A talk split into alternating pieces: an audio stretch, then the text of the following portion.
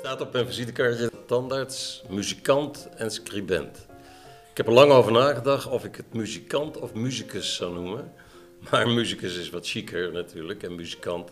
Kijk, ik ben op een gegeven moment in mijn, in mijn studietijd in de muziek terechtgekomen. Daarvoor speelde ik natuurlijk al eh, in de middelbare school, op de middelbare school. Maar het, ehm, ja, dan zit je toch in een, in een uh, moet ik het zeggen, in een populaire genre. U luistert naar de Tand van Zaken, de podcast van het vakblad Tandartspraktijk. Ik ben Sander Loos en in deze aflevering praat ik met Nick van Gasteren, tandarts, schrijver en muzikant.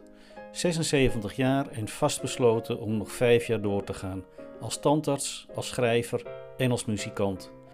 Zijn muzikale repertoire bestaat uit voornamelijk Nederlandstalig, maar een uitstapje naar het Engelstalig schuwt hij zeker niet heb ik een, uh, een album gemaakt uh, met de titel You Don't Know Me. Dat is gelijk ook het nummer van uh, wat erop staat, een, een, bekende standaard. En dat is met een big band en dat is Engelstalig. En dat waren dus de, ja, ik wil niet zeggen Sinatra-repertoire, want daar kun je het nauwelijks mee vergelijken natuurlijk. Maar dat was dus het Engelstalige. En voor de rest heb ik uh, een, instrumentale album, een instrumentaal album gemaakt. Nog niet zo lang geleden, vorig jaar, of dat jaar daarvoor zijn we begonnen met de corona. En dat is uh, instrumentaal gitaar. En dat uh, zijn originele nummers door Leslie Lopez, de bassist van de New Cool Collective, geschreven. En dat was, moest dansbaar zijn, salsa. En dat is het geworden. Dus heb jij nog wat tijd voor tandheelkunde? Als ik het zo hoor, ligt je nou, hart vooral bij de muziek. Ik denk het wel. Ik ben, het is natuurlijk wel zo dat ik, uh, ik nader nu de 76. Ja, ik heb niet meer natuurlijk, geen praktijk meer, vier, vijf dagen per week. Maar ik doe nog steeds een dag in uh, Zuidwolde, waarneming. En ja, eigenlijk ook omdat ik, een beroep me gedaan werd. En ik heb nog een, uh, een dag hier een eigen praktijk in Amsterdam, de Herengracht. Je woont in Amsterdam. Nou is Zuidwolde één dag in de week, vind ik niet echt in de buurt. Nee, maar dat, is, ja, dat heeft een beetje een historie. Uh, dat is uh, in zoverre. Ik had een praktijk hier in Amsterdam tegenover het Centraal Station. Een kelder, daar heb ik 35 jaar gezeten. Prachtpraktijk. Mooiste gedeelte van Amsterdam, zei ik ook altijd nog. En, uh, maar ja, die voldeed niet meer aan de eisen. Ik heb geen controle of iets dergelijks gehad, helemaal niet. Maar er was toen een soort uh, bijeenkomst in de RAI, 400 tandartsen, hygiëne en regelgeving. En ik meen dat het toen al het NZA was en afijn, de... En daar ging het dus over ja, wat, waar een praktijk aan moest voldoen. En dan kon je toetsen of jouw praktijk inderdaad zo daaraan voldeed. Nou, ik, Toen ben je na vijf minuten naar buiten gelopen? Ik, was, ik heb die klapper die ik meekreeg door zitten lezen in de trein. Ik denk, uh, ik zal het woord niet noemen, maar die hele praktijk deugt niet meer. Want ja, ik had een OPG, ik had alle faciliteiten, hygiëne, alles klopte. Zeker in die buurt, in het centrum Amsterdam natuurlijk. Maar de, de OPG die moest 10 meter van de wachtkamer af en die ruimte had ik niet. En toen kon ik uh, overstappen op het Rokin bij een praktijk. Wit heette die. Dat was voornamelijk bleken, cosmetisch, maar dan allemaal door assistentes enzovoort. En toen was net de bepaling, dat is ook nog, want alle, alle ja, we, we, leiden natuurlijk door allerlei bepalingen die er uh, nog steeds en nog erger ook. Dat het toepassen van peroxide meer dan, dan moet je me even corrigeren, ja, meer dan zoveel procent, het moest, moest omlaag. Door, ja, ja. Dus moest, mocht nog door, door mondhygiënisten en anders dan tandartsen. Dus je had een tandarts nodig. Maar ja, zoals het in een heleboel gevallen momenteel ook zo is, het was geen tandarts, het is een projectontwikkelaar was het. Hij zit er nog hoor, overigens. En die man die was alleen maar gebrand op uh, omzet. En ik heb altijd, en ik ben zeker, ik heb het je geloof ik nog eens een keer gezegd, ik ben zeker geen Albert Schweitzer, maar ik heb wel de patiënt centraal laten staan, nooit de declaratie. Maar het gevolg was dat die man over mijn schouder elke dag mee stond te kijken of ik wel genoeg deed enzovoort. En daar ben je zo klaar mee. Dus na drie maanden had ik slaande ruzie onder. Toen ik wegging daar na 2,5 jaar, bleek dat ik een, uh, een uh, concurrentiebeding had van vier jaar. Dat betekende vier jaar niet in Amsterdam werken of, ik geloof, 40 kilometer. Straal van 30, 40 kilometer. 40 kilometer, ja. ja. ja. Toen heb ik het nog na laten kijken door uh, Bart Admiraal, tandartsjurist, die ja. schreef toen ook voor het Tandartsblad, die, die teruggaat en zo. En uh, hij belt me na twee, drie dagen terug. Hij zegt precies zo, je hebt wat luchtigjes over artikel 5 heen gelezen. Ik zeg, ik zat je sterker vertellen Bart, ik heb het helemaal niet gelezen. ja, Maar goed, toen ben ik dus elders gaan werken, waaronder, ik kreeg ineens, eh, eerst in Assen en later in, uh, in uh, goh, heet dat ook? In Goor, bij Markelo, Overijssel. Ook met heel veel plezier. Een praktijk van twee Duitsers. Die hadden daar en Goor en uh, Slagaren, Zuidwolde enzovoort. Die praktijk in Goor die werd toen verkocht. Toen waren nog een andere Duitse collega, Karl Heinz en ik, die overboden. Want het was verkocht aan Roemenen. Die kon dus ook ongelimiteerd beginnen, blijkbaar hier of zo. Dat, ook dat weet ik niet. Dat zou ook nog een, gesprek waard zijn.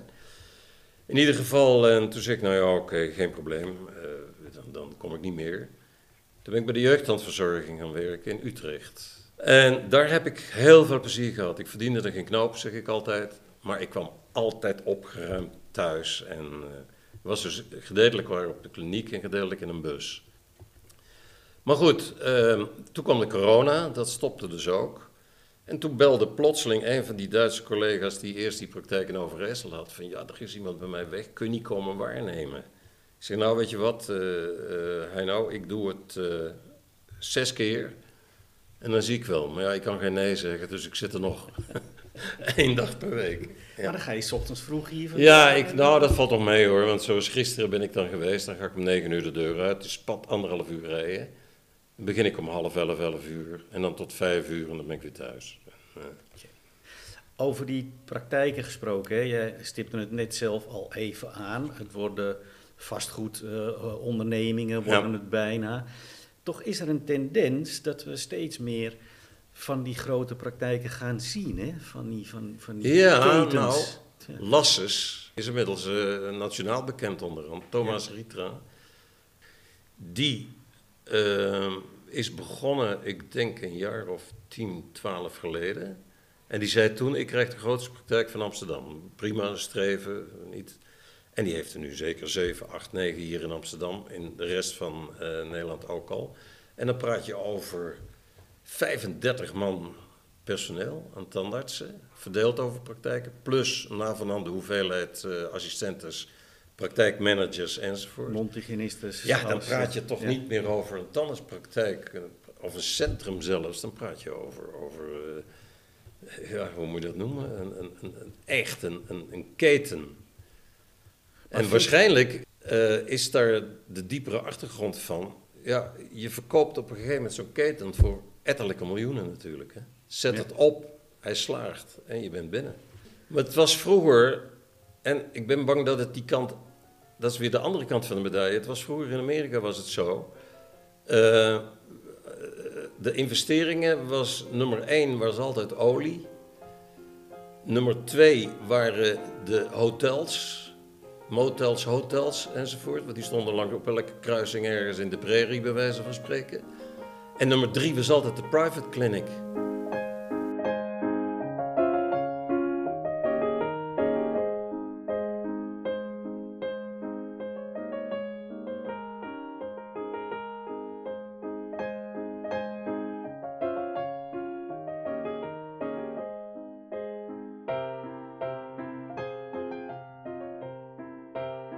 Ik merk nu in, in uh, Zuidwolde, bij mij worden de extracties neergezet. Ik extraheer alles nog. Uh, als het een M3 is die geïmpacteerd is en dwars ligt of iets dergelijks en het is te veel risico, dan ga ik dat niet doen voor vier tientjes, want ik hou er maar twee aan over hè, als waarnemer. Maar ik bedoel, voor de rest alles. Kinderen, die zetten ze bij mij neer. En Kronenbrugwerk, uh, twee collega's doen geen Kronenbrugwerk. Waarom mag Joost weten, maar dat doen ze niet. Sterker nog, er komen studenten van de opleiding af die hebben nog nooit, uh, om in mijn vakgebied te blijven, nog nooit een handvuiltje in de hand gehad. Nee, nou, ja, ik heb er nog blaren van op mijn vingers gelaten. Met een kogelsterilisator. Ja, ja, ja. ik heb geen idee, eerlijk gezegd, hoe die opleiding is. Er is een tijd nog uh, sprake geweest van vijf jaar, maar dat is al niet haalbaar geweest. Het is toch weer zes jaar. En zoals wij dus begonnen, was natuurlijk ook volslagen, uh, nou ik wil niet zeggen belachelijk, we hebben er een hoop van geleerd en het was een goede tijd. Het ATP, het Algemeen Tandkundig ja, ja, ja. Practicum, tandjes snijden en van allerlei uh, dingen solderen en noem maar op. Kijk, dat je die jaren gelijk gaat leren prepareren, uh, in vitro of wat dan ook, dat is prima natuurlijk, daar gaat het niet om. Maar ik vraag me af of dat je inderdaad virtueel kan leren een kroon te slijpen. En, en ja, het, het- ik hoef je, natuurlijk, we zijn collega's. Het is niet het feit dat je technisch eh, zo'n preparatie of zo'n zo'n werkstuk niet fatsoenlijk af kan eh, handelen. Het is het feit dat er een patiënt aan vast zit. Er zit een mens aan vast. En dat is altijd jouw succes, al of niet als standaard, bij die man of vrouw. Dat besef, ja, dat wordt minder. Ja, ik denk dat, je, je- ik denk dat zo'n zo'n praktijk, als zoals we toen startten, ook een deur of een eh, bord tegen de deur spijkeren van ik, eh, hè, spreek u dan en dan, ik noem maar even wat, dat dat helemaal niet meer kan. Je moet echt, je moet al nu bedreven zijn in alle sociale media, alle dingen nog meer.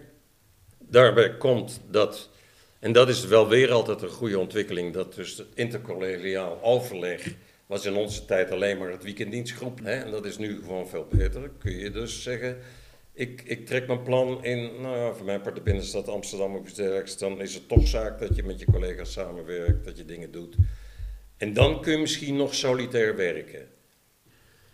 Maar ja, om wat het vakgebied zelf betreft, we hebben, ik heb geloof ik, mag rustig zeggen, alles gedaan.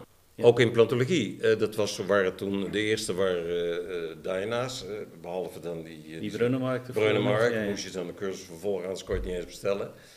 Maar dat ging dus van vast Kronenbrug weg, maar ik maakte overkappingsprotheses op, hoe heet het, op twee of al naar gelang drie of vier eh Dyna-implantaten met magneten, eh Ja. roodspollen erop, eh, kliksysteem. Geen steek, ja nog wel, maar dat was alweer, toen waren de dingen er nog niet om het goed parallel te krijgen en zo. En die, die zaten er jaren. Ik heb Ja. één patiënt erbij, die, zit, die is 30 jaar. Mijn zoon is 30 jaar, dat weet ik. Toen hij geboren werd, had ik ze erin gezet. Die zit er nog. Hoe zie jij de toekomst van de tandheelkunde? Nou, ik, ik denk dat het op zich een goede insteek is als er bijvoorbeeld weer een preventieprogramma zou komen in de zin van de, de, de schooltandverzorging. Al is het maar een goede voorlichting of wat dan ook, een bepaalde angst weghalen, een bepaalde reserve weghalen. En ten tweede, eh, het, oude, het ziekenfondssysteem was zo slecht nog niet. Ik denk dat er een hele. Op een bepaald moment hebben ze dat losgelaten. Hebben ze toen nog een half jaar en na een half is het afgeblazen. Het marktsysteem, weet Ja. je nog? De marktwerking. Ja. Volkomen waanzin. Het is nog nooit zo duur geweest als toen. Maar het ziekenfonds, wij hadden hier in, in Amsterdam. Blokker heette die, een directeur. Fantastische kerel. En je weet, ziekenfonds, eh, daar hield het op bij eh, partiële prothese, Ja. eh, kunstgasplaatjes. Nou, terwijl iemand die toch behoorlijk eh eh, ten-of-minded was, want daar gaat het dus om, hè, iemand is hem zo wit, was een frame natuurlijk de uitkomst. Beter. Parodontaal beter, zit beter. Eh, ik hoef de voordelen daar niet van op te noemen, boven een plaatje natuurlijk. Maar dat was niet bereikbaar.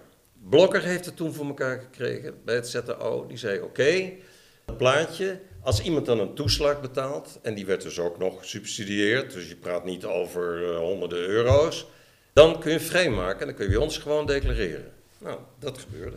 Bij gevolg was dat de oplossing voor een eh, duurzamer, ja, ik zeg maar duurzaam in de zin van het gebit gaat langer mee. Want of titanium gieten of dat dat zo duurzaam is, dat weet ik verder ook niet. Nee.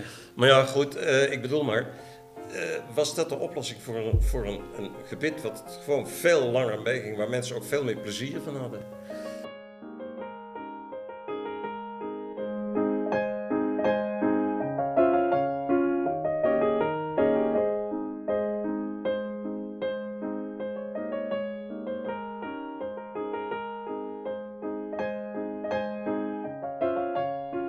Is er nou zo zwaar in dat beroep?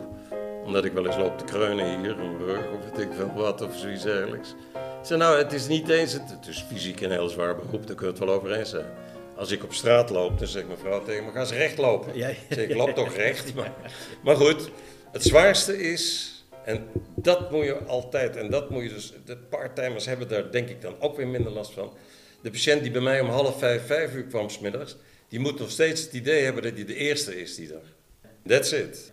En als je dat op kan brengen, dan ben ik geloof ik een goede tandarts. Je bent in de 70. Hoe lang ga je dat nog doen? Ja, dat Hoe lang mag je van je vrouw nog aan het werk blijven? Mijn vrouw is zelf polytherapeute, die heeft dat ook hartstikke druk. Want er hebben meer mensen nog last van hun voeten, geloof ik, dan van het gebit. Maar, eh, nou ja, ik heb me net geherregistreerd. En dan moet je 85 euro betalen. En uh, uiteindelijk uh, had ik. Het, het, merkwaardig was, de volgende dag kreeg ik plotseling bericht. Gefeliciteerd, u bent geregistreerd. Ik ga nog vijf jaar door, laat ik het dan daarop houden.